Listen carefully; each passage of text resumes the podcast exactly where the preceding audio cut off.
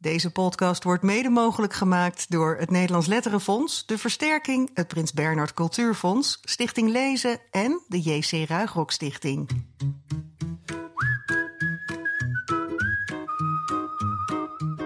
Eerder deze week zaten we hier nog te koukleumen bij de opname van de mei-update. Maar inmiddels is het kwik enigszins gestegen, Jaap. Ja. Lijkt de zomer toch echt in aantocht. Ja, het voorjaar eigenlijk nog. Hè? Ja, ja. Nou, Ja, nou, het wordt ik hoop dat we het voorjaar een beetje overslaan en Meteen gewoon vol in de zomer gaan. Goed idee, goed idee. Welkom, eh, lieve luisteraars, bij de 45ste aflevering van de Grote Vriendelijke Podcast. Mijn naam is Bas Maliepaard. Ik schrijf kinderboekrecensies voor Dagblad Trouw. En tegenover mij zit Jaap Frieso.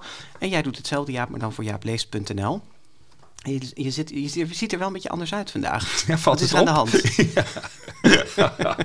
Ik heb mijn prik gehad. Oh. Ja, in mijn linkerarm. Vaccinerend, Ja, vaccinerend. Jansen, de Nederlandse prik. Nou, ik vond het wel een feestje, moet ik zeggen hoor. Het was gezellig daar, weet je, mensen allemaal in goede luim. Ja. En, en, en eh, ja, weet je, het was wel echt een soort opluchtingsgevoel daar. Dus ik ging ook echt huppelend en toen was Heel het ook nog mooi weer, dus heel fijn. Ja, nou, er staan nog wel schermen tussen ons Zeker. in. Want neem het zeker nog voor steeds het voorzichtig. onzekere. Ja. Maar goed, door dat vaccineren wordt er gelukkig wel steeds meer mogelijk natuurlijk, ook voor ons.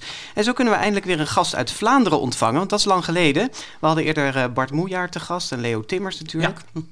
Maar nu eh, dan voor het eerst weer iemand die uit Brasgaat eh naar Haarlem is komen rijden. En wie is dat, Jaap? Dat is Marita de Sterk. Welkom Marita. Wie haar nieuwste boek Mirakel leest, die kan er niet omheen dat ze uit Vlaanderen komt. Ze schrijft over vezelaars, kloefklappers en smoskleren. En er staat deze intrigerende zin, is misschien wel mijn favoriete zin uit het boek. En het is heerlijk om hardop voor te lezen. Wanneer houdt ge nu eindelijk eens uw groot bakkes ambetant voorwijf? Nou, dat is een goede begin, eh, Ja, beginner. dat was dit. niet, tegen, ja. was niet tegen jou gericht, eh, Marita. Je hoeft hier niet je bakkes te houden. Een ambetant voorwijf, dat lijkt me geen, compl- geen Nee, dat compliment. is niet echt een compliment. Nee, maar hoe zou je dat vertalen in het Oh, Nederlands? dat, is, dat is niet zo makkelijk Een om te- voorwijf. Ja, een voorwijf is eigenlijk een kermisvrouw. Iemand die Ah. de hele tijd... Misschien zeggen jullie wel een viswijf. Ja, ja, ja. ja. Of, of een marktwijf. Oh, ja. Zo, iemand eigenlijk. Ja. En, en ambetant is natuurlijk heel vervelend. Stond vervelend. Ja. Zouden jullie misschien wel zeggen. Ja, stond Ja. vervelend. Ja. Ja. Het viel me trouwens op dat, dat, dat als jij die echte Vlaamse begrippen Mhm. gebruikt, dan is het heel vaak wel een beetje bij sterke uitdrukkingen. Hè? Ja. Een beetje bij, Mhm. bij scheldwoorden of verwensingen of zo. Is dat lek? eh, bedoel je? Ja, ik vind dat wel plezant. Daarin laten mensen zich ook kennen, hè, in hun taal eigen. Hè, in Ja. de scheldwoorden of in de ruzietermen die ze gebruiken. Dus dat tekent het Vlaams ook heel erg. Ik denk Ja. dat we er misschien ook niet slecht in zijn, in dat soort... eh, Nee, ik, ik, we hebben- ik heb zelf een. Friese achtergrond. En ik, ik, ik kan ook heerlijk in het Fries eh schelden. en Tekeer vloeken. gaan. Ja, ja, nee, maar Als dat, weer eens boos op mij is, dan dat gaat zeg het altijd in het echt, Fries. eh, ja, precies, ja. Maar is het voor jou, gebruik je deze, praat je ook echt zo? Zeg jij ook af en toe tegen iemand, hé, hey, ambetant voorwijf? Ja. dat denk ik nu niet precies. Maar het is, het is voor mij heel erg de taal van, de, van, van mijn ouders, van, van de voorouders eigenlijk. Of taal die je in bepaalde dorpse milieus nog tegenkomt. Ja. En ik, eh, ik hou daar heel erg van, van dat heel specifieke taal eigen. En als Ja. ik dan een ouder personage ten tonele voer, ja, dan geef ik die ook graag dat soort Ja. taal mee. Ja, want dat valt wel op. Hè. Er zitten ook jongeren in, Mhm. Ja. in het boek waar we straks uitgebreid over gaan praten. En die hebben dat veel minder, dat, Mhm. dat sterke Vlaamse taalgebruik. Is dat ook in, in de Vlaamse maatschappij aan slijtage onderhevig, dat taalgebruik? Misschien wel, alhoewel dat ik bijvoorbeeld kinderen, jongeren bij ons zeggen heel vaak, wauw, dat is een vols iemand, dat is een volse meneer, een volse mevrouw. En eigenlijk is dat ook een heel oud woord. Ja. Dus er is toch wel een recyclage van bepaalde begrippen die het goed doen, Ja. Ja. die goed in de mond Ja, liggen. want of die, plezant en amai Ja, en, zo, amai. Dat, dat zeggen we wel ja, gewoon, en, hè? en merciekes. En er komt zo wat van de oudertaal eigen toch wel terug. ja, en wat is een kloefklapper? Een kloefklapper.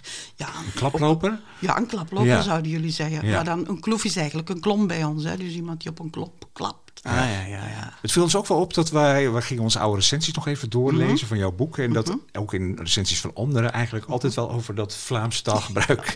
vind, vind, je, vind je daar wat van? Goh, ik heb zoiets van... ehm, ja, dat, hoort toch heel erg bij mij en mijn personages. Dus ik ga het ook niet prijsgeven.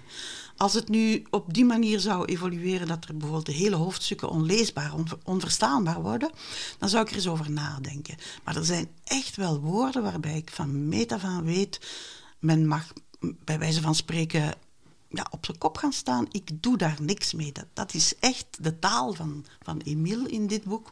Of de taal van Tanne in Duivelskruid. Ja. En die ga ik echt zo houden. En ik onderschat die lezers ook, ook wel niet. Die gaan al snel eens googlen of eens even denken. De context maakt vaak ook veel Ja. duidelijk. Ik vind het ook een soort betutteling om te gaan zeggen van... Goh, het is een beetje te Vlaams. Ja. Eh, Ze kunnen het toch niet snappen, we smijten het eruit. Ja, maar niet alle jammer. Vlaamse kinderboekenschrijvers doen het. Nee, dat is waar. Nee. Dat is ja, waar. Dat het is wel een beetje een keuze. handelsmerk. Vind je Ja, een het keuze? is, het is een keuze. Een Ja. keuze van een beetje voorouderlijke taal te laten reizen door de generaties en zo eens kijken wat ze ermee doen. ja. Heb je ook het gevoel dat Nederlandse recensenten daar meer op aanslaan dan de Vlaamse recensenten? Dat wij daar meer over zeggen of daar sneller van onder de indruk zijn misschien? Ik heb, ik heb de, de laatste tijd het gevoel dat het ook wel geapprecieerd wordt. Mhm. Dus Zeker. Allereerst al de redacteurs van de uitgeverij, die dan toch in Amsterdam zit, die, die vinden het vaak ook heel vermakelijk. Of die, die denken van, van, oh dat wordt, ga ik nu zelf Nou, ook wel deze eens recensent gebruiken. ook hoor. Ik zit me altijd te verkneukelen, maar ik vind het echt heerlijk. Ja, hardop Ja. voorlezen en al die woorden. Ja, ik vind Ja. het echt fijn. Ja. Nou, Ja. Mirakel, zo heet je nieuwste boek dus. En het ligt over een paar dagen op 1 juni eh, in de winkel... met een coverfoto van eh, Carla van de Puttelaar. Kun je die foto eens omschrijven? Wat zien we op de voorkant?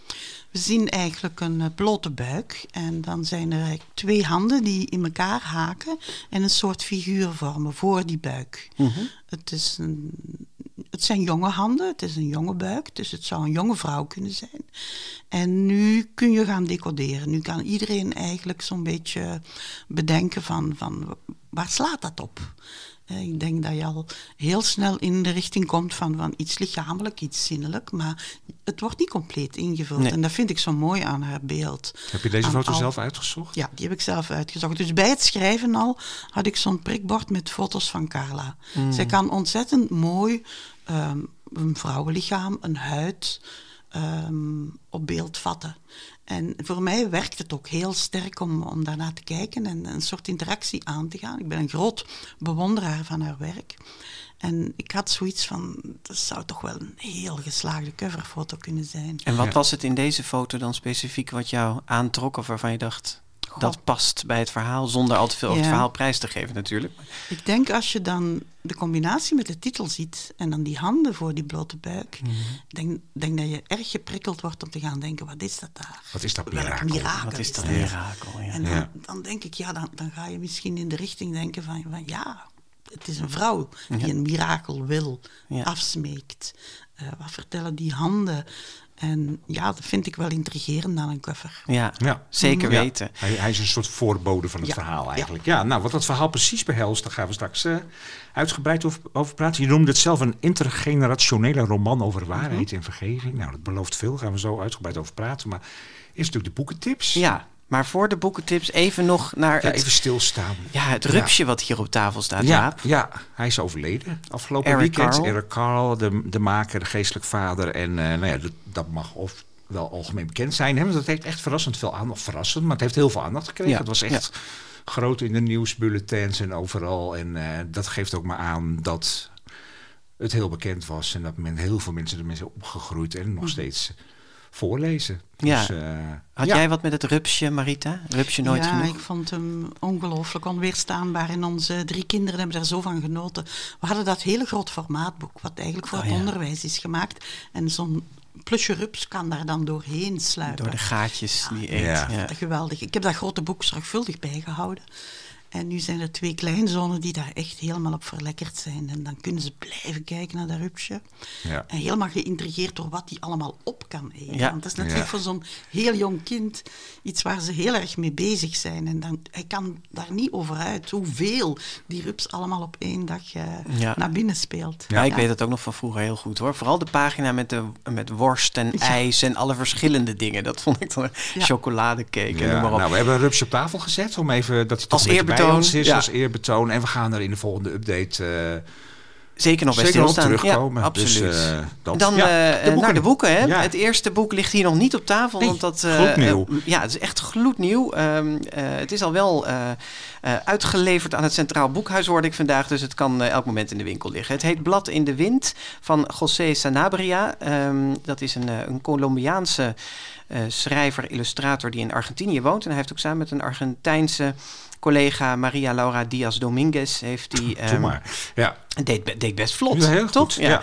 Eh, heeft hij eh, de tekst van dit boek geschreven en hij heeft de illustraties gemaakt. Ehm, het is een, eh, een, ja, ik vond het een prachtig boek Wat is meteen al te Wat zien. is dat blad in de ja, wind, Bas? dat blad in de wind, dat is een krant. Ah. En dat is wel heel bijzonder. Dat vind ik ook een van de wonderen van de literatuur. Dat zelfs levenloze dingen natuurlijk een ziel kunnen krijgen. Een in, ja, een personage kunnen worden.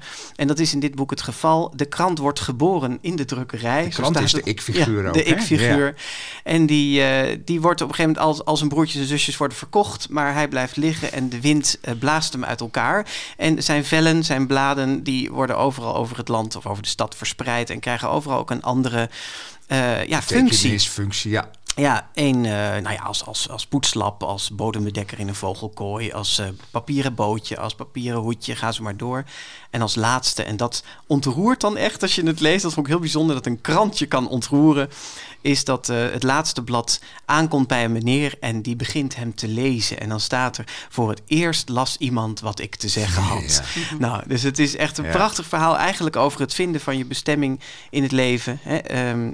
eh, waarvoor je op aarde bent eigenlijk, eh, daar gaat het over. Maar die En- illustraties zijn zo. ja, prachtig. Het, is, het zijn heel schilderachtige illustraties, heel ruig van textuur, met, waar je echt de kwast eh, nog in ziet zitten. eh, ook soms afgebladderd en zo, of ingekrast. Het ziet er heel ruig uit. Ja.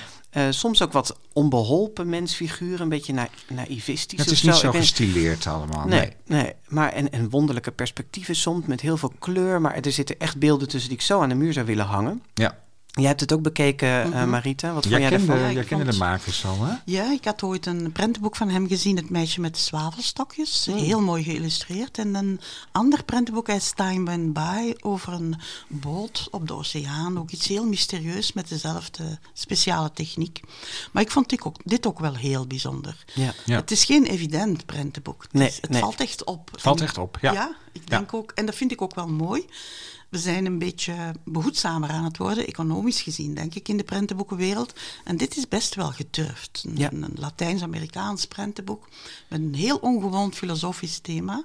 En zo'n bijzondere illustraties. Ja, ik Ja. hoop dat ook veel, veel leraars het oppikken en er hele fijne dingen Ja. mee gaan Nou, het is doen. mooi dat je dat zegt, want het wordt uitgegeven bij uitgeverij Tiptoe. Is een Vlaamse uitgeverij, dacht ik. Tiptoe Print. Ja, Tiptoe, ik ja zeggen, oh, ik denk het wel. Ja, Ja. Het zal Oh, eh, van het Engels tiptoe. afgeleid Ja. zijn, denk ik. Ja, ja. Maar die, die specialiseert zich ook wel in Bijzondere, zoeken naar ja. bijzondere prentenboeken. En wat jij zegt, een beetje buiten de, buiten de kaders. Dus uh, Nou, en wat, en over kaders gesproken, de illustraties die lopen ook niet van de pagina af. Dat zijn, er is witruimte omheen, dus het zijn echt vierkantjes. Dus dat, dat maakt het ook heel, dat het heel schilderachtig blijft. Hè? Het zijn Ja. echt aparte kunstwerkjes bijna die je steeds ziet, aparte vensters. Ja. Dus ja, nou, eh, zeker de moeite van Ja. bekijken waard. En, eh, Vertaald eh, op Paul Verrept, moeten we nog even bij zeggen. nog. Ja. Een Vlaming. Ja. En eh, ja, dus verschenen bij Tiptoe Print en vanaf een jaar of vier.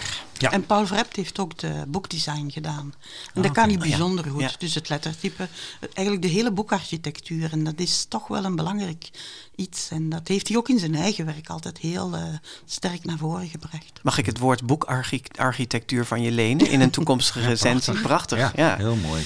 Ja. Eh, de volgende, ja. Ja, ik weet niet hoe het met de boekarchitectuur van dit boek is gesteld, maar dit is eh, het nieuwe boek van Anna Woltz. En dat is natuurlijk altijd toch wel even een, eh, een moment. Het heeft er best wel weer een tijdje geduurd. Het heet eh, De Tunnel en het is een, eh een young adult roman. Ze schrijft heel vaak een beetje voor 10 plus, maar dit is toch meer 13, 14 eh Beetje in de lijn van Plus 100 uur nacht. hè, 100 haar uur nacht, ja, daar heeft het ook wel wat trekken van. Dat speelde in New York, dit speelt in Londen.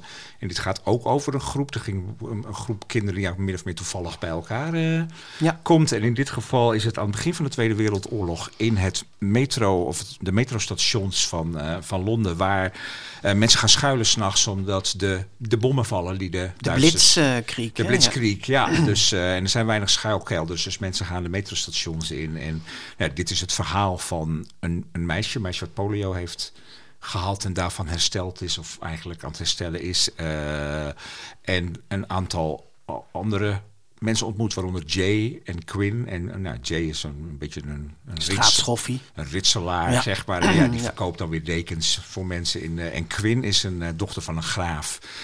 Ehm, die zich aan dat milieu van thee drinken en tuinieren wil eh, ontworstelen. Nou, dus het zijn weer hele verschillende types, zoals wel vaak in eh, Anna Woltz romans, die bij elkaar komen. En, Wel eh, allemaal heel bij de hand en wel bespraakt. en ja, zo, en ze ja. zijn ook meteen eh, aan elkaar gewaagd en eh, zijn bevriend, maar staan elkaar soms ook weer een beetje naar het leven. Nou ja, zoals dat gaat, weet je, allemaal heel gecomprimeerd eigenlijk in een boek. Ja, dat maakt het natuurlijk wel weer tot een heel dynamisch, levendig verhaal. En ja, er zitten ook best nog een aantal thema's in. Het gaat over feminisme, emancipatie, homo-emancipatie. eh, verdeeld. Het gaat ook wel over dat kinderen, dat vind ik zelf een mooi thema erin, dat kinderen eigenlijk ook echt dat slachtoffer zijn van die oorlog die door anderen is bedacht. Weet je, zij Ja. staan aan het begin van hun leven en andere mensen die ze hebben helemaal geen stem in die oorlog. Ze mogen ook niet meevechten, ze mogen eigenlijk niks doen. Het is onze oorlog niet, Het is onze ze, oorlog Ja. niet, zeggen ze. En dat vind ik ook wel een hele mooie typerende zin. Ja, verder is het heel eh, filmisch geschreven. Echt zo'n boek om in, eh,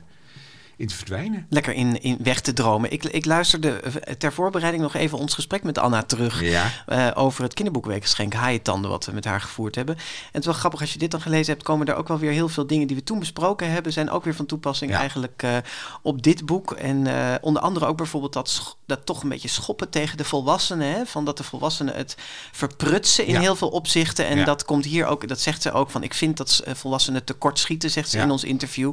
Onder andere door de toestand in de wereld. En, en dat zit hier Het natuurlijk ook heel duidelijk dat in. vind ik ook wel. Maar het zijn- er zijn wel volwassenen die heel erg hun best doen. Bijvoorbeeld de, moeder van Ella, die, is, die heeft een soort Dat kinderthuis. is de hoofdpersoon Ella, ja. Ja, die heeft een soort kinderthuis, toch? Of een soort, heeft een... wat Ja, een soort het? shelter of Ja, oplap. precies. eh, weet je, dus, ja. Maar die is eigenlijk daar meer mee bezig dan met haar eigen kinderen dan, Ja, dan ja, weer. ja, precies. Ja. Nee, Eh. weer een lekkere, een lekkere wolts, zullen we maar zeggen. Ja. De Tunnel heet het. Het is uitgegeven bij, eh, bij Querido. En dan hebben we er nog één, een, eh, heel erg groot. Zo, dat is echt. eh, ja, ik noemde het in mijn recensie een koffietafelboek. Want dit is wel echt iets wat je op de salontafel wil liggen om mee, eh, la- laten liggen om mee te pronken voor al je visite. Eh, Terra Ultima heet het. De ontdekking van een onbekend continent van Raoul de Leo. Een illustrator die hiermee in de kinderboekwereld althans zijn debuut maakt. Maar hij heeft al wel als zelfstandig kunstenaar heel veel gemaakt. Onder andere ook de dieren die in dit boek voorkomen. Het ziet er een beetje encyclopedisch uit.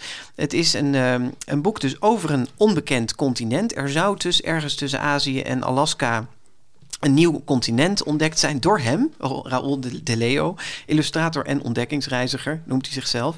En dat heet dus Terra Ultima, eh, wat zoiets betekent als het einde van de wereld. En hij eh, heeft eh, drie of vier expedities, weet ik even niet meer uit mijn hoofd, maar naar dat continent uitgevoerd. En daar talloze dieren in beeld gebracht, die eigenlijk zijn samengesteld uit bekende dieren zoals wij die kennen. Ja. Bijvoorbeeld een slak en een giraf. Het flamingo-hert. Oh, het flamingo-hert en de, de Koraalpanter, gorilrus. Ja, en, allemaal nou ja, van ja, echt geweldig. Ja, maar het zou zomaar kunnen bestaan. Je moet er soms echt naar kijken dat je denkt... oh nee, dit kan eigenlijk niet. Ja. Wat heb je ook alweer? Het zespotige lieve Heersbeertje. heersbeertje. Dat vind ik ook geweldig. Ja. Het lieve heersbeertje. Ja. Ja, nee, en het ziet er fantastisch. Het zijn dus hyperrealistische tekeningen eigenlijk. Ja. Ehm, ja, zoals je ze in natuur-encyclopedieën van vroeger tegenkomt. Eh, maar dan van verzonnen dieren. En ehm, het verhaal is eigenlijk dat hij die expedities heeft gemaakt... en zijn archief met aantekeningen en, te- en tekeningen dus van, eh, van dat continent... heeft eh, neergezet bij Noah J. Stern... Eh, en dat is een man die heeft daar vervolgens dit boek van gemaakt. Nou ja, Noah J. Stern. We hebben druk zitten googlen Ja. natuurlijk. Maar die bestaat eigenlijk helemaal niet. Nee. Ja, er bestaat er wel een. Maar dat is een een of andere professor in Amerika, geloof ik. Dus dat, die zal dit boek niet geschreven hebben.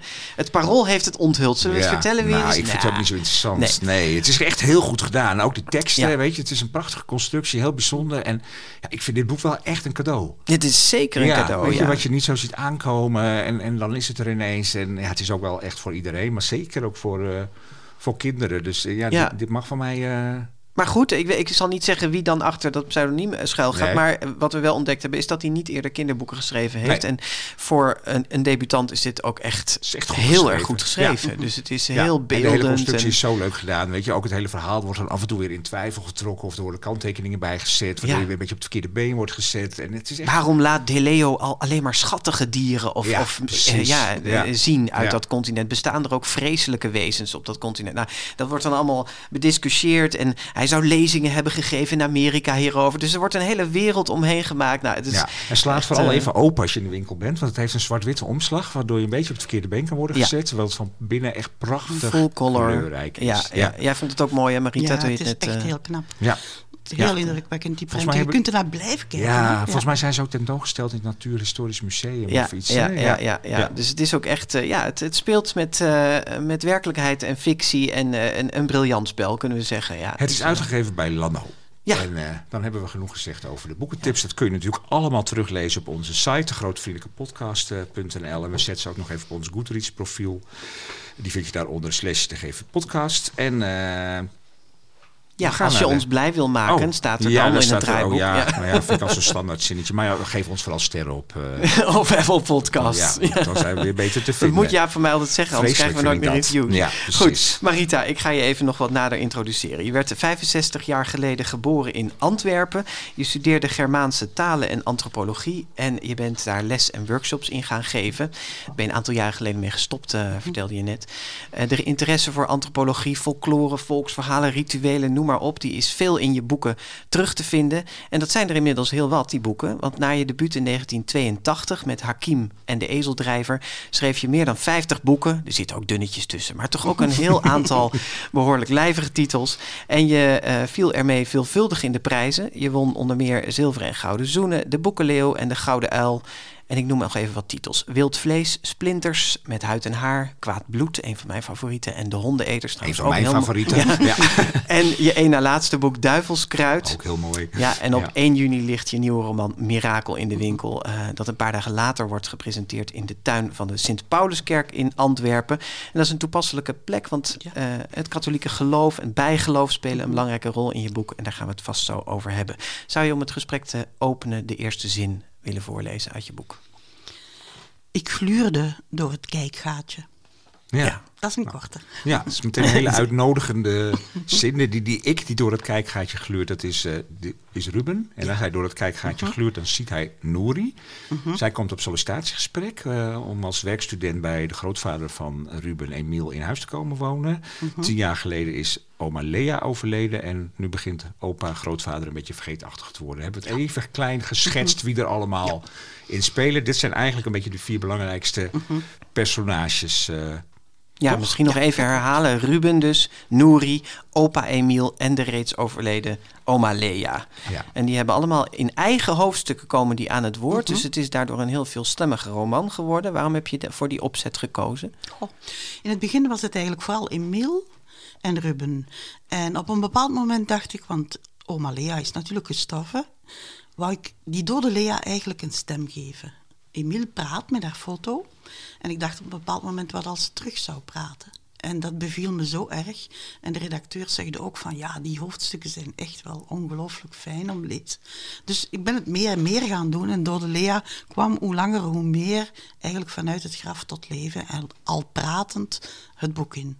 Ja, en, en praat zij voor jouw gevoel echt of is het de verbeelding van opa Emiel? God, dat kan de lezer misschien zelf invullen. Maar ik heb het wel zo geconstrueerd alsof het echt klinkt. Heel Ja. echt klinkt. Ja. Ik denk dat Emiel ervan overtuigd is dat ze tegen hem praat. Ja. Ik denk dat het voor de jonge man, voor Ruben, misschien meer zoiets is van... Je doet het wel. Ik doe het ook vaak met, met geliefde overledenen praten. Ja? En maar ja, hardop zo, ook? Ja, zo, zo Ja? gewoon praten en dan iets zeggen van... Goh, zeg, wat heb ik nu weer gedaan? Wat vind jij daar nu van? Ah, ja. En dan soms kun je natuurlijk invullen hoe die zouden antwoorden van... Ja, dat is Ja. best wel een stommiteit, hè? En dat heb ik dan... Ik vond het ontzettend fijn om te schrijven. Dat heb ik dan eigenlijk heel ver doorgevoerd. Dus die dode Lea, die houdt gewoon haar Frank...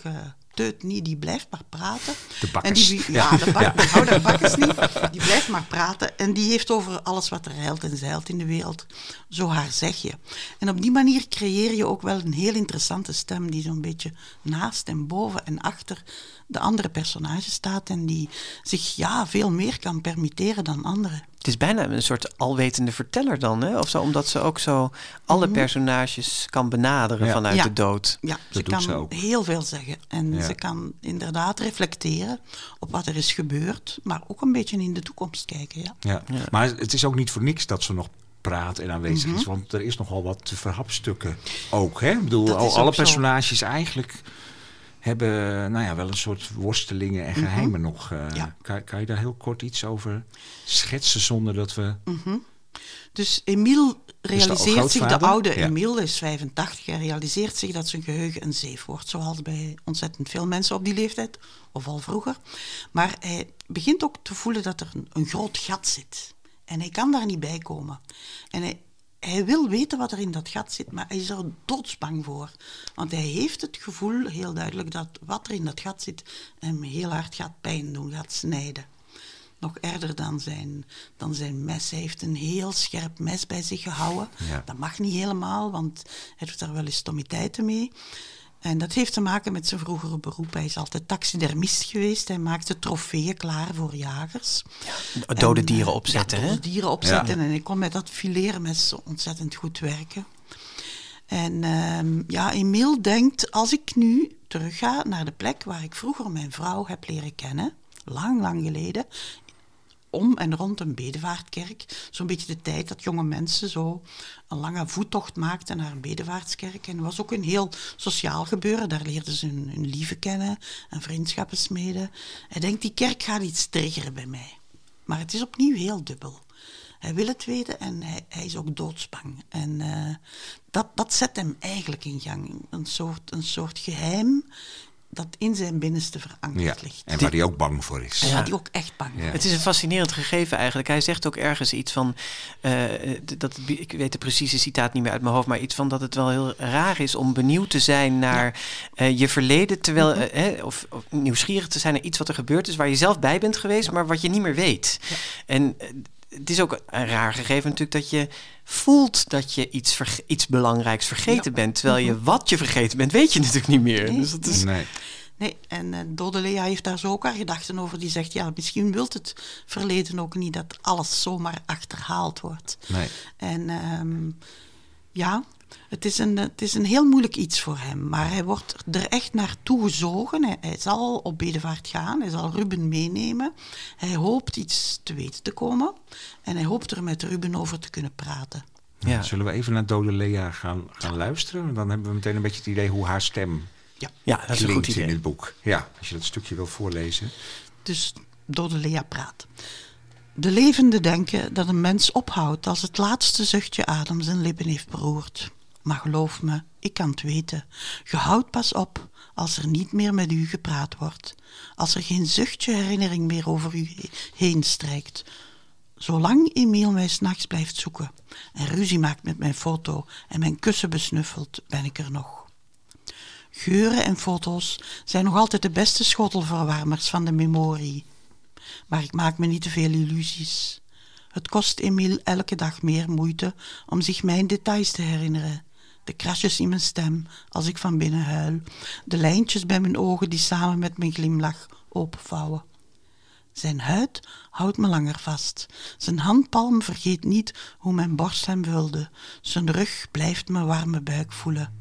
En als een laatste draadje vlees is verrot, zullen zijn botten me nog een tijd lang bewaren. Ons skelet overleeft al wat erop en erin lag. De kern van een mens zit in zijn botten. Op het geheugen van ons gebeente zit geen sleet. Ja, mooi. Ja, ja, ik kan bijna over iedere zin een vraag stellen, denk ik. Weet je, dus, Ja. er zit zoveel in dit stukje alleen al. Maar, maar je, je citeert aan het begin in de opdracht, zeg je, citeerde een Senegalese dichter, is dat Ja. geloof ik, hè? Birago Diop. Ik had nog nooit van hem gehoord, maar en, en die zegt, ze zijn in het huis, ze zijn in de boot, de doden zijn, Zijn niet niet dood. nee. nee. Nee. Is, eh, wat, wat betekent dat in, in het kader van dit boek? Het is ook een heel antropologisch gegeven dat je eigenlijk, men, men zegt in de antropologie vaak, je moet een mens twee keer begraven. De eerste keer het vlees wat verrot, zoals Lea zegt. De tweede keer de botten, daarin zit de kern van een mens. En je gaat die tweede begrafenis een hele poos doen na die eerste begrafenis. Dus je houdt die doden nog een hele tijd bij je. En je laat dat afscheid heel gradueel groeien. Ik vind, ik vind dat wel een heel intrigerende gedachte. En ik, ik, ik ervaar het ook zelf zo in mijn leven dat je met eh, eh, bijvoorbeeld met je dode ouders eigenlijk nog een, redelijk nauw contact kunt hebben. Dat je het gevoel hebt van op een bepaalde manier eh, zijn ze er nog en, en, en, en zeggen ze nog dingen en, en kun je ze nog ergens vinden.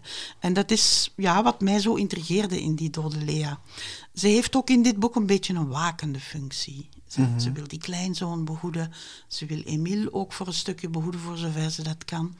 Ehm, dat is ook iets wat in heel veel niet-westerse culturen voorkomt. De, de ancestors, de voorouders, ehm, die zijn er nog en die waken over ons. En die geven bepaalde dingen door. Je hebt dingen meegekregen en daar doe je iets mee. Ja. Aboriginals hebben daar een heel mooi woord voor. Die spreken over ancestral present.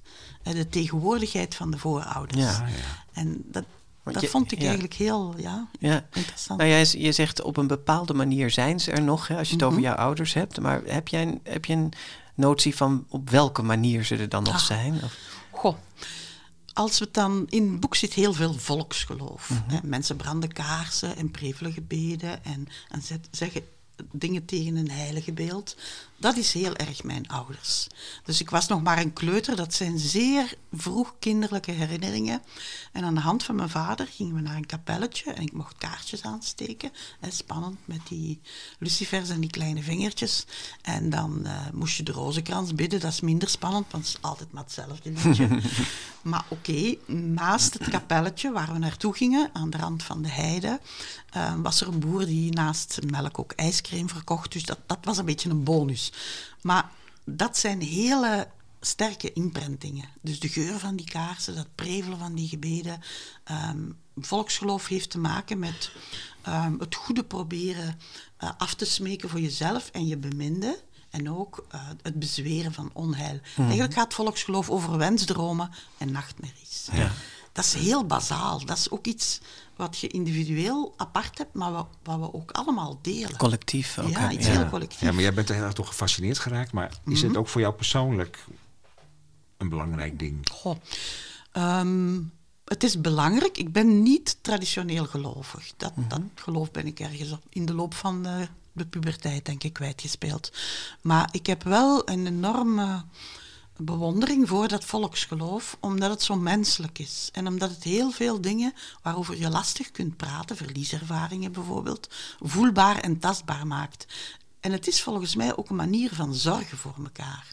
Bijvoorbeeld die ouders van mij hadden in die tijd niet zo heel veel ehm, woorden voor. Die zeggen bijvoorbeeld weinig tegen een kind, ik hou van jou, maar die zou, zullen wel, als je gaat slapen, met een duim heel stevig een kruis op je voorhoofd drukken. Ja, daar zit zoveel zorg in. En dan een of ander gebedje over engeltjes aan je bed eh, vertellen. Dat is ri- ritmiek en hechting en heel sterke nabijheid. Ja. En dat heb ik ook heel sterk in dit boek proberen te stoppen. Hoe mensen via die rituelen en tradities eh, uit dat oude volksgeloof eh, voor elkaar zorgen. En dat is niet de kerkelijke hiërarchie Nee. en de grote meneer, maar dat is echt het. Ja. Maar het voelt, het, het- als ik je goed beluister, dan voelt het voor jou ook meer als een soort nostalgie of iets van wat, Ja. wat je uit je uit je jeugdje nog omringt. En waar ik naar vroeg van, eh, hoe eh, heb je een idee van hoe jouw ouders er dan nog zouden zijn? Mhm. Is dat dan vooral in jezelf? Hè? Of geloof je ook dat dat van buitenaf jouw ouders er nog zijn? Ik doe automatisch als er ergens zich een, iets voordoet. Als je iets belangrijks wil vragen, dan betrap ik me erop, hoewel ik totaal niet meer geloof, dat ik kaarsen aansteek. En dat ik dat doe voor zo'n verschrikkelijk kitscherig Maria-beeldje, dat helemaal hol is van binnen, plastic.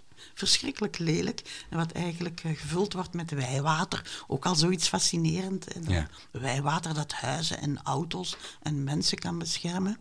Ik, ik doe dat dan. Ik steek een kaars aan bij dat Maria-beeldje. Ik doe wat mijn moeder doet, zonder er ergens bij na te denken. En ik voel haar op dat moment wel dichtbij. Maar ik kan er verder niks concreet over vertellen. Nee, maar het past heel erg bij Maar haar het eigenlijk. past zo bij haar. En meer bij haar dan Ja. bij jou eigenlijk? Of past het daardoor ook bij jou? Goh, ja, er zullen toch wel er zullen stukjes met die genen en die paplepel mee zijn. Nou ja, daarom gaan we er ook even zo op door, denk ik. Omdat het wel heel erg... Nou, je noemt het zelf een intergenerationele roman. Dat zal misschien te maken hebben, of vermoedelijk te maken hebben... met hè, de relatie tussen opa in dit geval en zijn kleinzoon. Maar het zal misschien ook te maken hebben met het reizen van bepaalde ervaringen... of gevoelens door de generaties heen. Ook, de al, ook al zijn ze al overleden. Klopt dat? Ja, zeer zeker. Dat transgenerationele dat zit eigenlijk in, in meer van mijn romans. Er zit zit ook heel veel van jouw boeken In. Duivelskruid zit Ja, ook heel, veel in de andere ja. boeken. Ik vind dat ook een heel interessant gegeven. Je kunt dat, jezelf daar soms ineens op, op betrappen, dat je zoiets voelt van, van waar komt dit nu? Van waar komen bepaalde thema's uit mijn boeken? Eh, ik, ik voel ook heel erg dat ik eh, met bepaalde thema's heel sterk bij het leven van, van mijn ouders in hun jeugdjaren aansluit. Dus je, je doet dat allemaal niet zo bewust, maar op een bepaald moment denk je van, van god, ja, dit is iets wat door die generaties reist. Ja. Ja. Ik moest daarbij ook heel erg denken aan het gesprek wat we met Jeska Verstegen hebben gevoerd over Mhm. haar roman eh, Ik zal je bewaren. En wat eigenlijk gaat over het overerven van het holocausttrauma. Mhm. En het, het leeft natuurlijk in maatschappelijke discussies ook nu heel erg hè, over de slavernij bijvoorbeeld. Hè, en Mhm. hoe dat zelfs over 400 jaar eh, nog mensen kan beïnvloeden. Ja. Ja. Ja. In jouw boek staat, eh, nou ja, dat gaat over trauma, over pijn. We hebben eigenlijk nog niet eens gezegd dat alle personages, hè, want jij begon uit te leggen, Mhm. Emiel heeft een, eh, iets, wat, nou ja, iets te verhapstukken, zoals Jaap zei, eh, Mhm. met een, een geheim wat hij eigenlijk kwijt is, maar waar hij wel benieuwd naar is. Is ook mooi, hè? Verhapstukken. Ja, ja, precies. Maar, eh, maar Nouri heeft ook, eh, zij Mhm. is een vluchtelinge eh, uit een niet nader benoemd islamitisch land. En zij heeft daar nare dingen meegemaakt Mhm. Waar ze mee vecht eigenlijk, vooral ook in de nacht. En je hebt Ruben en die heeft ook zo zijn nou ja, herinneringen die hem eh, eh, plagen. Mhm. Eh, er staat hier over, ehm, over dat, die volgende generaties, wil ik nog even een mooi citaat voorlezen, waarin je zegt... ehm, het zijn niet de schone souvenirs, maar juist de zere plekken die het vlotst door de generaties reizen. De schaafwonden en brandblaren die maar blijven prikken en schrijnen. Vond ik wel een treurige Ja, zin. Ja. Ja, maar je kunt daar ook wel iets mee doen. Die zere plekken reizen door die generaties en ja... ehm, Maar niet de leuke dingen dan ook? Ja, toch ook wel. Oh, gelukkig. hè, Oh, gelukkig, ja. Maar, ik bedoel, maar die imprint is wel, kan best wel heel heftig zijn. En dan is het de uitdaging voor die volgende generaties om daar iets mee te doen. Ja, Ja. want daar gaat dit boek eigenlijk heel erg Eigenlijk, over. ja. Hè? Van Ja. hoe dat, Hoe wat voor Ruben impact dat heeft zo- op de ja. kleinzoon. Ja. Nou, wij vonden wel, we hebben het van tevoren over ge- gehad natuurlijk, van wat wij eruit haalden. En eh, we zagen al dat jij deze thema's had aangegeven. hè? Waarheid en vergeving. Waarheid en vergeving Ja. en dat intergenerationele. En wij, wij hadden ook wel het gevoel van het gaat ook heel erg over geheugen en over herinneringen, hoe, hoe we die kwijtraken, hoe we ze verstoppen, hoe ze ons kunnen kwellen. Hè, dus ehm, eh, hoe zie jij dat? Is, dat- klopt dat? Ja, dat klopt wel, inderdaad. Dat delen eh Nouri, de vluchtelingen, de jonge dame die voor Emile komt zorgen, en die oude man, die delen dat ook met elkaar. Die vechten allebei met de nacht. En die vechten met herinneringen. Ja, en die vechten eigenlijk met stukken uit het verleden waar, die, die heel, heel erg snijden, die heel veel pijn doen. En daarin vinden ze elkaar. Eigenlijk voelt de oude man Emile heel goed aan dat hij Nouri niet met vragen moet bestoken. Dat hij haar gerust moet laten. En ehm, niet moet zitten peuteren en niet moet zitten vissen. En in die zin is die oude man een godsgeschenk voor Nouri. Maar ook omgekeerd. Nouri heeft ook zoiets van... Ik ga die oude man niet ambeteren met allerlei regeltjes. Ik laat hem ook doen. Dus ze, zijn voor elkaar een groot geschenk doorheen dit boek. En als Nouri op een nacht in, in grote paniek begint te gillen, dan bedenkt Emile, ja, ik ga niet op die deur kloppen, dat is veel te intrusief. En dan doet hij wat hij bij zijn zoon en kleinzoon heeft gedaan. Hij zingt heel zacht, slaapkindje, slaap Door door het sleutelgat. Ja, Ja, zo ontroerend. mooi, ja. Dus dan Ja. weet ze dat ze niet alleen is en dat er iemand... En dat triggert bij Nouri de herinnering aan haar grootmoeder, die ook zo'n lied zong. En dat kan ze dan een heel klein beetje vertellen aan Emile. Maar opnieuw, Emile gaat nooit vragen stellen. Dus hij geeft Nouri de tijd om eigenlijk voor zichzelf uit te maken... ehm, ga ik op de duur iets, iets prijsgeven over dat verleden en hoe ga je dat aanpakken? Ja, Ja, maar want dus, sorry. Nou ja, ik vind dat een heel interessant thema. Misschien wou je dat ook zeggen. Ja, Daar gaat ja. het eigenlijk heel erg over. Hè? Van hoe, je zegt ook ergens van dat oeverloze gezever van de mensen wordt ferm overschat. Hè? Ik bedoel, eigenlijk gaat het heel erg over we, praten, we, we vinden maar van alles. We praten, we horen elkaar uit.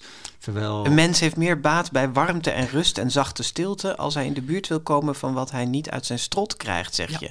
Maar toch moet ik ja, een klein Ja. beetje Ja, nee, tegenspreken. dat is ook weer zo. Dat ja, want aan de zit erin. er zit Ja. iets heel dubbels in, omdat aan de andere kant Mhm. mij gaat het bij Emiel en zijn overleden vrouw ook om een gesprek, een belangrijk gesprek, wat Ja. ze niet hebben gevoerd Mhm. voordat zij doodging. Ja. En wat dus door blijft etteren, als het Mhm. ware. Dus dat is weer een soort pleidooi voor praat met elkaar. Ja. Spreek de dingen nou? uit. Ja. Ja. Geef ons helderheid. Ik denk dat ik vooral wou zeggen met dat eh oeverloos gezever van, van ga niet te snel die, met die intrusieve vragen op iemand af die het moeilijk heeft om over iets te praten. Laat dat zijn. En, en, en wacht af. En dan komen er inderdaad wel die momenten ehm, dat er gepraat kan Ja, worden. ja. Maar die moeten er wel komen, maar die, die moeten er wel ja. komen. Voordat je van een trap aflazert en Ja, dood bent, en zoals dood bent, Lea. zoals Lea is overkomen. Dat is Ja. inderdaad ook wel zo. En zoals het in de realiteit ook wel is gebeurd. Dat mensen zeggen van, goh, nu had ik dit of dat nog aan mijn vader of grootvader of grootmoeder of moeder willen vragen. En hop, ineens Ja, je weet niet wanneer Ja. ze van de trap luisteren. Nee. Is dat iets waar je jezelf ook heel erg bewust van bent in, in jouw leven? Dat je denkt, ja, ik, ik moet de dingen goed afronden of uitspreken met andere Mhm. mensen? Goh, het, het heeft heel erg gespeeld ehm, met mijn ouders. Die zijn erg oud geworden. Mijn vader 99, mijn moeder 96. En ik heb in die jaren dat zij in de 90 waren, hele zinvolle gesprekken met hen kunnen voeren. Dat heeft ontzettend veel tijd gekost. En ik ben blij dat ik die tijd heb genomen, anders had het ook niet gelukt. En ik ben blij dat ze zo oud zijn geworden. Maar dat heeft me toch wel inderdaad doen nadenken van, van geef het de tijd, maar, maar pak die dan ook wel om bepaalde Ja. thema's uit te praten. Ja, En dat waren gesprekken die met jullie relatie ook te maken ja hadden. te maken hadden. En met oude familiegeheimen en, ja, en met intergenerationele fenomenen eigenlijk. Ja. Die, eh, die heel eh, boeiend waren. En waar ik nog altijd heel blij voor ben dat die gesprekken er konden zijn. En ze zitten ook verweven in die boeken. Het, het fijne aan als auteur zo'n boek construeren is, je bent een beetje de schatbewaarder. Hè?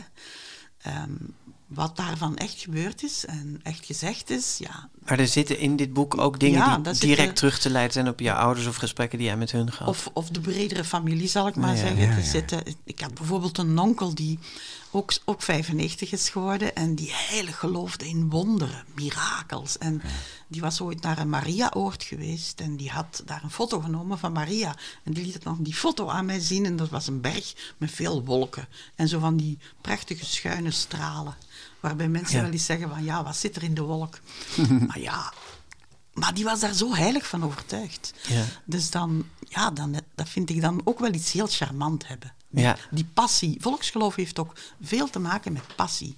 Mensen die je in een kapelletje ziet bidden of op bedevaart gaan, ja, dat is heel dikwijls met hart en ziel. Dat Nou, laten we daar dan eens heen gaan, want dat, Ja, eh, je, ja. je maakt perfecte bruggetjes, want dit stond inderdaad ja. nu op het programma.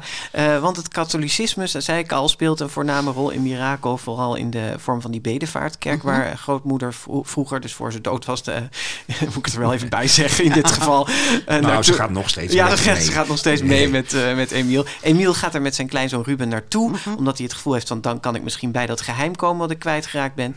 En in dit eh, fragment, wat ik je nu vraag voor te lezen, daar vaart opa Emiel uit tegen een pater die vroeger bij zijn vrouw eh, vaak de biecht afnam. Ja. Dus het is een pater Kasper. De, de Vlamingen die het boek lezen gaan de bedevaartkerk herkennen. Ja. Het is een hele oude basiliek van Scherpenheuvel, is heel beroemd. Ehm, het, is, het is eigenlijk bijna de moeite om het eens te gaan bezoeken. Je, je trekt je ogen open. Eh, en daar kun je dan kiezen voor een vertrouwde biechtvader of een vreemde biechtvader. Die je niet kent. Nee. En Pater Kasper is de vertrouwde biechtvader. En Emiel gaat er, zoals jullie zeggen, naartoe. En hij wil te weten komen wat Lea heeft gebiecht. En Hij zegt, wellicht legt Lea u een vraag voor en hebt u alleen maar geknikt of uw hoofd even bewogen. Zoals u nu al de hele tijd doet. Is dat een ja of een nee? Daar zijn paters en pastoors goed in. Ze zijn de kampioenen van de dubbelzinnige woorden en gebaren. Dat kwam Lea goed uit. Ze wou alleen maar een ja horen, een ja zien. Pater Kasper hield zijn hoofd stil. Ik werd op den duur zot van al die offerandes, kaarsen, wensbriefjes, biechtstonden en altijd weer die omgang. Bij dat woord ontploft er iets in mij. Ja, ja. Ook grootvader Emiel wordt er een beetje zot van. Ja, hè? hij wordt helemaal... Ja. Ja, Ja, maar- je leest het vrij rustig voor, maar voor- de- ik, ik voel hier een soort woede broeien Ja, onder deze woorden ja, ja. van... eh, Eh, die pater, die, Ja, die zou hij wel. ja, dan zou die wel iets aan willen doen. Ja, ja. We hadden het er straks al even. het, eh, toen heb je al het een en ander gezegd over volksgeloof en over, over die rituelen. En die, Ehm, misschien kun je zeggen van eh, ex-foto's komen voor in dit, eh, dit boek. Wat, wat Ja, zijn foto ex- met een V, hè, Ja, moet je vo- dan even foto, zeggen. Foto foto, met een. V. Wat zijn ex-foto's? Dus in die grote bedevaartkerk heb je een kleine zijkapel, waar vooral vrouwen zitten te bidden. En ex-foto's zijn eigenlijk objecten die aan de muur worden gehangen om een wenskracht bij te zetten. Het betekent eigenlijk uitgelofte. Dus je, je doet eigenlijk, je vraagt iets en je doet alvast een dankgelofte. En het eh, mooie is, wat ik heel mooi vind, eh, volksgeloof werkt heel vaak met metaforen. Je gaat in dat object eigenlijk al iets van jouw wens of jouw vraag leggen. Dus stel nu dat je been eh, zwaar gehavend is en je wil van een heilige bekomen dat dat been gezond wordt, dan ga je een houten, een wassen of een metalen beentje ophangen. En je gaat tot die heilige bidden en je gaat zeggen, ehm, maak dat been gezond. Dus het, het, het- je kunt het doen voor je het afsmeekt, maar je kunt het later ook als dank Ah, ja, ja, ja, ophangen. ja, ja. En je hebt echt oude kapellen. Het is bij, bij ons in Nederland en in Vlaanderen iets minder de laatste tijd in gebruik, omdat eh, ja, de, kerkelijke overheid had het er niet zo mee op met al dat soort speciale. Het is een beetje aan de grenzen van ja. wat er Ja, ja. nog bij het Ja. serieuze geloof hoort. Hè? Dat maakt het zo charmant. Hè. Het, het heeft eigenlijk iets ma- met magie te maken. Mhm. Ja. Hè. Het doet Ja. ook denken aan heel veel rituelen en objecten bij niet-westerse culturen. Nee, het was wat wij, Natuurgeloven een en- protestantse achtergrond, wat, wij, Ja. wat mijn protestantse achtergrond verafschuwde, zeg Ja, maar. hè. bijvoorbeeld Ja, zo'n ja. zo'n beeldenis. En, Ja. Maar ik vind het heel intrigerende objecten. Bijvoorbeeld een wassen ex-foto met bijenwas gemaakt, dat ga je zelf kneden. Dus dat is al een heel zintuigelijke handeling. Vaak kusten mensen het of bliezen ze erover. Dus dat, dat object is beladen met verlangen. Ja. En dat Ja. ga je dan eigenlijk eh, ophangen, offeren. En dat speelt een belangrijke rol, hè? En dat Want oma heeft rol. van Ja.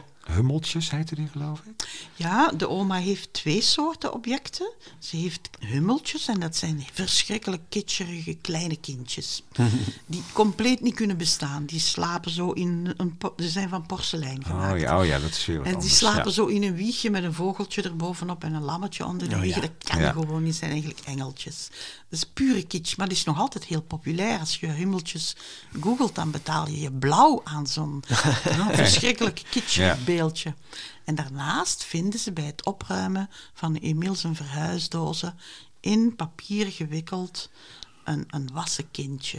Een wassen ex-foto. Een dus, wassen ex-foto. Ja, ja. En Emile houdt dat vast en meteen voelt zijn hele handpalm ja, die gloeit, maar die doet ook ontzettend pijn. En Emile voelt dat het daar iets mee te maken Hmm. moet hebben. Ja. Ik het heel mooi wat je vertelt, dat al die rituelen, en je hebt natuurlijk antropologie gestudeerd, maar al die dingen, doe je bedenkt ze niet. Hè? Ik bedoel, het komt echt heel erg voort uit wa- wat er echt is. En je Ja. plaatst het ook wel heel erg in, in deze tijd. Weet je, je, je in, in, in, nou ja, geeft er een, een context aan die heel Ja. erg bij het nu past. Ja, en ik voel ook wel dat de jonge generatie door dat soort eh, rituelen en objecten heel erg geïntrigeerd is. Dat is iets wat, wat hen eigenlijk wel boeit. Het, het heeft iets mysterieus. Meer dan het, eh, het, het, eh, ja, het gewone geloof, zullen we maar ik denk het zeggen. wel. Ja. Ik denk het echt wel. Het heeft meer te maken met magie, Mhm. met verbeelding. Het, het triggert ook de verbeelding. Je kunt die bepaalde van die heilige figuren ook zelf helemaal decoderen en beladen met je eigen gevoelens. Bijvoorbeeld vintage eh, afbeeldingen van, van heel kitscherig van Maria, eh, de heilige moeder, zijn eigenlijk heel erg in, ook in prentjes. En Ja. ja, ook jongeren vinden dat eigenlijk best wel, eh, Ja. wel cool. Maar wat, wat brengt het mensen, hè, wat ze niet kunnen halen bij de kerk? Ja, ze, ze geven taal aan het onverklaarbare. De kerk wil allemaal regeltjes opleggen en wil eigenlijk, eh, zeker de godsdiensten van het boek, willen de mensen ehm, vertellen hoe ze moeten leven.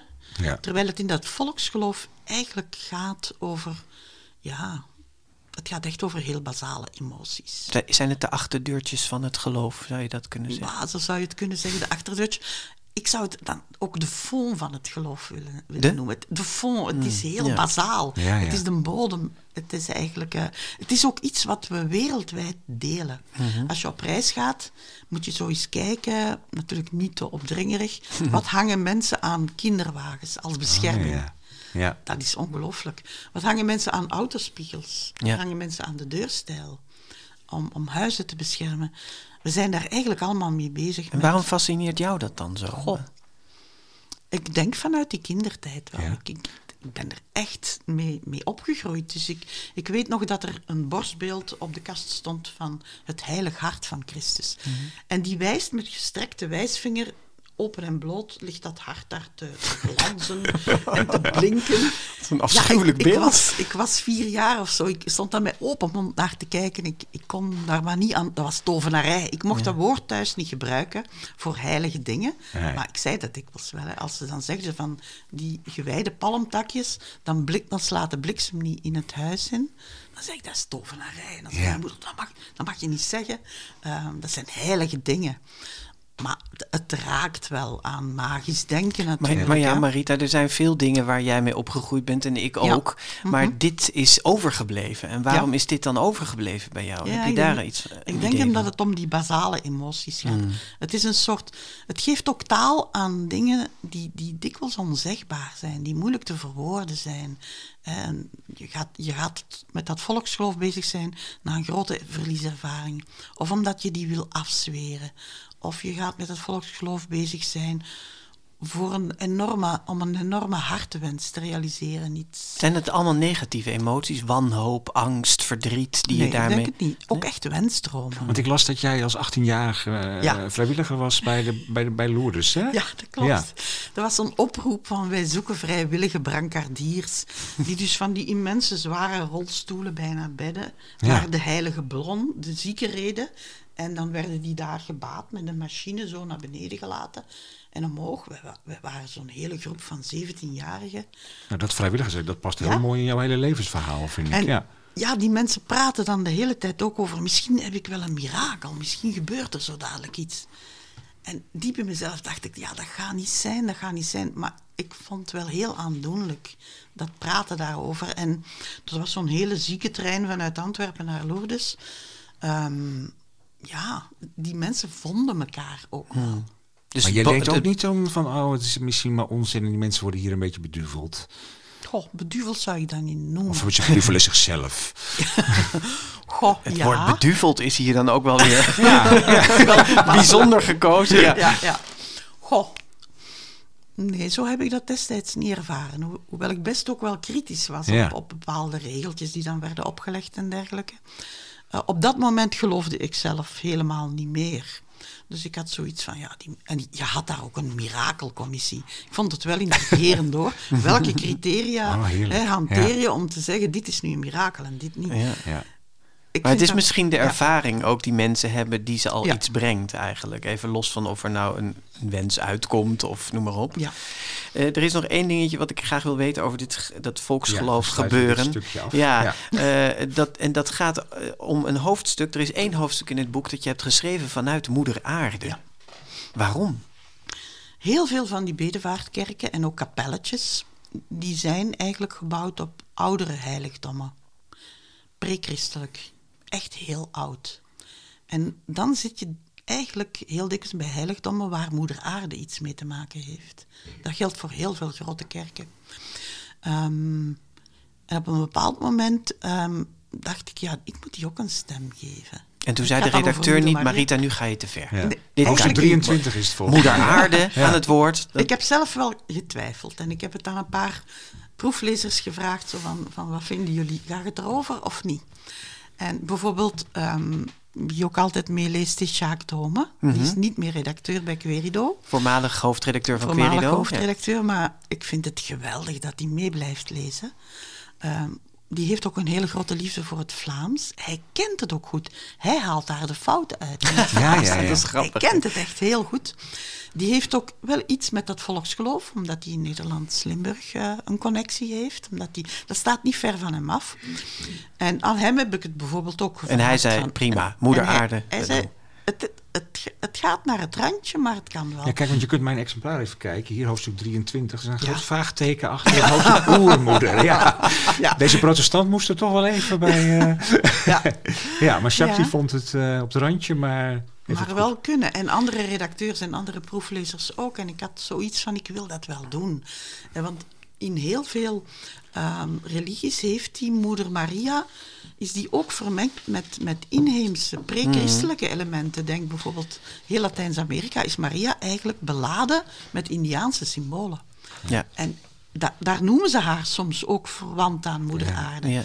En ik vond het eigenlijk wel prettig omschrijven, want die moeder aarde kan dan echt heel hard tekeer gaan tegen de mensheid die, die haar eigenlijk fameus aan het verknoeien is. Ja. Ja. Zullen we nog even kort naar de jonge mensen in het boek gaan? Ja, dat lijkt me goed. afronden? Anders Ja. hebben we die helemaal overgeslagen. En dat zijn de tweede kleinzoon Ruben en, en Nouri, de, de vluchteling Ja. eh, die bij Emiel in huis komt wonen. En waarvan je eigenlijk niet eh eh, prijsgeeft waar ze vandaan komt. Waarom doe je dat niet?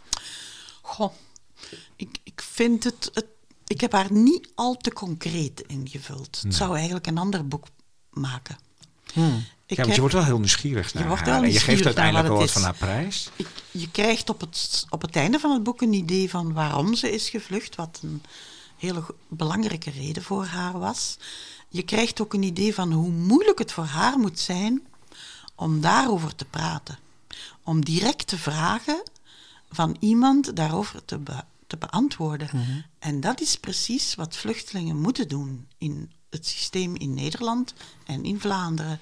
Zij worden eigenlijk letterlijk op de rooster gelegd. Ja. Er wordt heel nauwkeurig gecheckt of hun verhaal waar is, maar dat vergt ook ontzettend intrusieve, doordrammerige vragen. Terwijl eigenlijk in de oude betekenis van het woord asiel betekent dat dat je iemand een schuilplek, een rustplek geeft zonder die intrusieve vragen. Eigenlijk is dat wat Emile doet. En eh, Er, er, er klinkt ook wel echt kritiek in door Ja. op hoe wij met vluchtelingen Ja. omgaan. Hè? In, eh, nou, laat ik dan zeggen West-Europa en misschien Amerika. ja, Dodelea zegt dat ook, hè?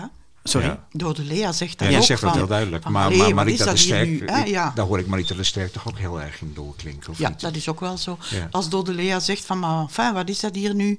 Mensen die juichen als er een boot zinkt. En er zijn hier heel veel doden die zich omdraaien in het graf. En heel veel van de brulkikkers die nu roepen, stuur ze terug. Die waren niet eens geboren. Als vroeger niemand hen ooit als vluchteling had geholpen. Ja, of Denk- hun voorouders. ja, voilà. Als wij in onze familiegeschiedenis gaan graven, ook in de mijne. eh, Die onkel eh Charles, die de mirakels zag, die is als klein manneke van zes van België naar Nederland moeten vluchten tijdens Wereldoorlog 1. En die zegt, in het begin gaven ze brood en water. Maar toen kwamen er zoveel Belgische vluchtelingen, dat de mensen zoiets hadden van, help, dat overspoelt ons. We gaan die niet meer te veel brood en water geven. Dus dat zit in onze familiegeschiedenis, maar wij zijn dat zo rap vergeten als het dan om de hedendaagse situatie gaat. Maar toch even een kritische noot dan. Want je zegt Ja. het net zelf eigenlijk al van dit kan eigenlijk bijna een heel boek zijn, hè, dat verhaal van Nouri. Waarom heb je er dan voor gekozen om haar toch een tamelijk complexe achtergrond te geven die je niet helemaal uitwerkt? Ik had soms het gevoel, het boek had wel inderdaad wel twee keer zo dik kunnen zijn. En dan Nouri haar verhaal helemaal apart vertellen. Nou ja, of in elk geval dat uitgebreider vertellen Ja. dan nu. Mhm. Ja. En, en meer En, die... en, en Ruben misschien ook wel, hè, Ja. de. Ja, dat, is, dat zijn inderdaad vragen die bij mij gespeeld hebben en die bij een aantal van de redacteurs en proeflezers ook gespeeld hebben. Ik voelde zelf een, een enorme schroom om Nouri te gedetailleerd te gaan uitwerken. En waar had het mee te maken? Daar had het voor een stuk mee te maken. Ik had zoiets van, wie ben ik om dat echt goed te kunnen doen? Ehm, zeker als het dan gaat, nu krijg je een idee van, ze had een goede reden om te vluchten. Ehm, ze had een goede reden om erover te zwijgen. Ehm, het, het moet verschrikkelijk pijn doen om zoiets te moeten opbiechten, wat zij heeft moeten doen. Maar ik had echt zoiets van, wie ben ik om dat nu in detail te gaan fileren? Dan had ik er eigenlijk iemand bij moeten halen. Maar dan kun je er ook voor kiezen om dat verhaal helemaal terzijde te schuiven en een ander verhaal te verzinnen waar je wel eh, eigenaarschap over hebt, om het zo maar te zeggen. Maar als het dan gaat om vluchtelingen, dan ben ik daar heel behoedzaam in. Dat is iets wat ik ook als antropoloog heb een beetje geleerd. Van, ehm, als je het hebt ehm, over mensen die tot een totaal andere groep behoren dan jezelf, wees dan heel voorzichtig. Wel, mijn pas zegt eigenlijk van waarom heb je dan toch een vluchteling in boek? Ik denk dat ik het- de stukken van Nouri die ik wel prijsgeef, ehm, daar heb ik wel iets mee. Dus ik, ik verklap de plot niet als ik zeg dat er op een bepaald moment een parallel komt tussen een Belgische klassieke bedevaartkerk en een moskee van de zieke kindjes. Ik heb zo'n moskee ooit bezocht met mijn toen elfjarige dochter. Er mochten alleen vrouwen binnen. Daar werd gebeden. Eh, zieke kindjes lagen op de schoot. Het was heel aandoenlijk. Er werd thee en aspirine uitgewisseld, maar ook gebedjes en Koranteksten. Het was echt heel erg mooi. En ik vroeg onlangs nog aan mijn dochter, herinner je je dat nog? En ze zei, wat ik me het sterkst herinner is dat wij iets deden waar de broers en, en de papa niet bij mocht zijn. Dat dat iets van ons was. En ze zei, het, het heeft mij ook heel erg aangegrepen. En toen verwees ze naar haar grootmoeder. Ik moest aan de bebon denken, met haar kaarsjes en haar, en haar gepruts en haar, en haar eh, heilige beeldjes. Oma. Oma, Ja, ja, ja, ja, ja. Ik moest daar heel erg aan denken. Ja, dus dat, die, de- dat stuk van, hè, van Nouri, daar, dat herken jij en daar heb dat je... herken ik. En daar had ik zoiets van, ja, die sfeer kan ik oproepen. Mhm. Maar dan de hele vlucht. Ehm, ik heb daar lang over zitten nadenken, maar ik, ik voelde iets van, ik, ik, ik kan het niet en ik mag het niet doen. Je Maar het was het wel belangrijk voor je om dat vluchtelingenverhaal Ja. neer te zetten. Ja, ja, het was ja, heel dat- belangrijk om neer te zetten hoe een vluchteling die hier terechtkomt Ja. en de chance heeft om bij een, iemand te komen die dat intuïtief aanvoelt Ja. vanuit een eigen verleden en die rustig een schuilhol krijgt voor een half jaar, een jaar, hoe zo iemand op zijn positief komt en uiteindelijk gewapend eh, een aantal interviews kan gaan trotseren. Dat vond ik wel heel intrigerend. Dat is ook een bijzonder gegeven, inderdaad. En toch nog even Ruben, want daar, Mhm. daarbij had ik soms het gevoel van, die vond ik iets te veel een aangever blijven. Mhm. Ik kon, had me ook kunnen voorstellen dat Ruben eruit had gekund en je alleen Nouri en opa had gehad. Mhm. Wat, wat, is, wat is voor jou de functie van Ruben in het verhaal? Ja, Ruben is enorm gefascineerd door haar en hij is degene die haar in huis wil halen. Dus hij heeft eigenlijk die verbinding tot stand gemaakt. Er is dan eh, ja, die stiekeme verliefdheid van hem heel de tijd, waar hij zelf heel onhandig mee omgaat. Hij heeft ook zijn eigen prehistorie. Wat dat betreft, dat is dan Rubens kleine trauma, zou je, Ja. zou je kunnen zeggen. Hij heeft daar zelf een paar stommiteiten begaan, die hij in het begin als immens groot inschat. Maar naarmate het verhaal vordert, zie je ook wel dat die Ruben zegt van ja, ik heb daar wel een stommiteit begaan, maar ja... Die gaat hij eigenlijk in van- perspectief Ja, zien doordat hij de andere dingen ja, meemaakt. Ook weer ja. niet het einde van de wereld. Ja, ja. Ik ga ingrijpen. Oh, je gaat ingrijpen, want... Nou ja, er zitten nog zoveel thema's en dingen in. Maar het waar. moet ook nog een beetje behapbaar blijven voor onze lieve luisteraars die het boek nog niet hebben ja. gelezen. Of misschien straks wel hebben gelezen. Maar ik zit wel te denken dat, dat, dat die studie antropologie, die heeft jou wel heel veel gebracht in het schrijven uiteindelijk. Hè? En dat rijke Roomse verleden ook. eh. Dat zijn echt onuitputtelijke schatten. Ja. Ja, nou ja, daar is ook dit hele interessante boek Mirakel eh, uit, ons, eh, uit ontstaan. Wat vanaf eh, volgende week in de, in de winkel Een enorm rijk boek, dat hoor je wel aan dit gesprek. Ja. En inderdaad, er- we hebben hier op een A4'tje nog honderdduizend andere dingen die we hadden kunnen Ja. bespreken. Ja. Ehm, maar goed. eh, gaan we niet doen. We gaan dat niet doen. Ik wil graag naar je parel. Goed. Ah, Oké. Eh, naar deze rubriek. De grote vriendelijke parel. Marita, eh, welke parel heb jij uitgekozen en welke boek zet je op onze plank dus? Ik heb meegebracht Fietsen van Gregie de Maaier. De herdruk van 2018, naar aanleiding van 20 jaar overlijden van Gregie. En dat boek bundelt drie kleinere boekjes, Fietsen in de Put en Mama. En ik denk dat het boek... In Vlaanderen is er een groot feest bij de lancering van dit boek geweest met een Gregie-herdenking. Dat is drie jaar geleden ongeveer Ja, dat is geweest. drie jaar Ja. geleden. En ik vermoed dat het in Nederland, hoewel Gregi destijds, toen hij actief bezig was, best wel eh, ook bekend was in Nederland, maar dat dit, dit boek in Nederland misschien minder is doorgedrongen. Het is bij ons niet doorgedrongen Nee, dat volgens mij. ik hè? ook. Nee, dat je er nee. helemaal gelijk in hebt. Dus het is hartstikke mooi dat je dat op de plank zet met al een, een, een omslagillustratie die ik meteen op een t-shirt zou Ja, willen drukken. het is, Ja, het is een prachtige illustratie. Wat zo knap is eigenlijk, is dat, ehm, ja, dat, dat hij iets leeftijdsloos heeft in zijn eenvoud.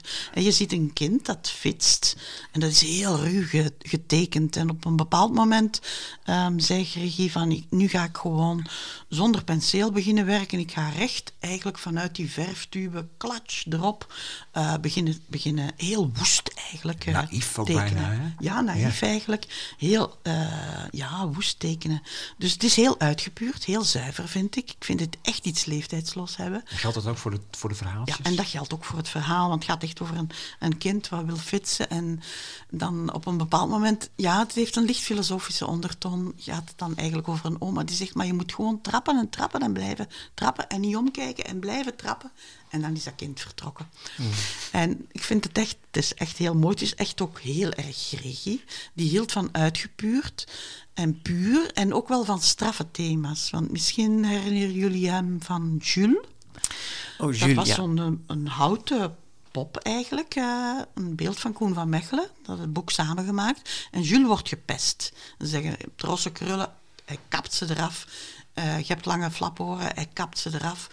Uiteindelijk is dat echt een stompje mens in, in een rolstoel. hij, hij is zo radicaal. En dat was ook echt Gregi als mens. Hij kon ontzettend... Die had heel veel lef eigenlijk. Hij is jong gestorven, hè? Ja, hij is Eh, jong gestorven op, op 47. Ik denk dat hij nog heel wat in zijn petto had. Het was een grote vernieuwer. Niet alleen met de teksten die hij ontwierp. Hij heeft ook heel mooie illustraties voor Henri van Dalen gemaakt. Dat was een, Oh, ja. een type van Sjoerd. Sjoerd Kuiper, die heeft Ja. Henri van ja. Dalen toen op de Ze plank hebben lang gezet, ja. samengewerkt. Dan is Gregi zelf verhalen beginnen maken en illustreren. Maar wat ook straf was, hij was, een, zoals Paul Verhept nu, een, een goede boekdesigner. Dus alles moest kloppen. Een De boekarchitect, hè? Ja, echt Ja. een boekarchitect. Ja. Echt een... eh, het, eh, het boeiende is, dit is ehm, helemaal eh gelayout door Peer de Maier, zijn zoon. Oh, wat mooi. Ook een, op dit moment een hele goede eh, boekdesigner in België. En toen ik Boto maakte, een verhaal uit het Amazonewoud, met prenten van Jan Bosgaard, heb ik de uitgever gevraagd, mag Peer de Maier dat, eh, die layout Vormgeven, doen? ja. En toen zijn eh, Jan Bosgaard en ik links en rechts van hem gaan zitten toen hij die layout deed. En zo'n layouter die hardop nadenkt, ja, dat is echt een feest om dat, om dat te zien gebeuren. Wat heerlijk. En ik zag hem naar het scherm turen, naar die grote prenten en die tekst daarin voeren. En hij stak zijn linkerhand door zijn haar tot het helemaal recht omhoog kwam. En hij stoof op die muis van die computer af. En ik dacht, ja, daar zit Gregi gewoon. Ja, die ja. kon dat ook met zo'n enthousiasme en zo'n ja, wilde energie doen. Dat dat heel plezant was om te zien. Wat mooi dat je Gregi de Maier Ja. eh, voor ons even in het licht zet weer. En het ontsloten eigenlijk. En Ja. eh, eh, ook vooral dan ook vooral onze Nederlandse eh, luisteraars die Ja. eh, dit boek misschien over het hoofd hebben gezien. Fietsen. Fietsen heet het en het is uitgegeven bij Van Halenwijk, een eh, imprint van Pelkmans. ja. Ja. En ik heb me deze hele uitzending al verheugd op de laatste zin. Dat is misschien wel de langste zin uit de geschiedenis van de GVP. De laatste zin van Mirakel, Marita. Grootmoeders mogen dan verschrompeld en verward zijn, mankend en meurend, heel gans of half vergaan, met één voet of van kop tot teen in het graf. Hun blik vliegt vooruit, beladen met hoop, dat hun kindskinderen mogen zijn wie ze zijn. Het is ook nog eens een mooie lange Een zin. mooie lange zin. Met Ja. het woord hele gans. Dat vind ik nou weer prachtig. Ja. ja. Marita, heel veel dank dat je naar Haarlem wilde komen vanuit. Brasgaat. En eh, een goede reis terug naar Mhm. België. Mirakel ligt dus vanaf 1 juni in de winkel. Warm aanbevolen door ons, uitgegeven bij Querido en geschikt voor jongeren vanaf een jaar of 14. Kijk maar. Ja, kijk maar. En volwassenen ook vooral Ja. natuurlijk. Hè? Ja. Wij namen deze 45e aflevering van de Grote Vriendelijke Podcast op op vrijdag 28 mei. En natuurlijk weer een kinderboekwinkel Kiekeboek in Haarlem in de Gierstraat. En eh, nou ja, wees daar weer van harte welkom, want hij is weer open. En dank natuurlijk aan onze grote technicus. eh, nou, Onze grote vriendelijke technicus ja. ook eigenlijk. Onze grote vriendelijke Ja. technicus, ja. Hey, wij zijn er al snel weer hè, met eh grote vriendelijke updates. Half Dus, juni ongeveer. tot dan. Tot dan.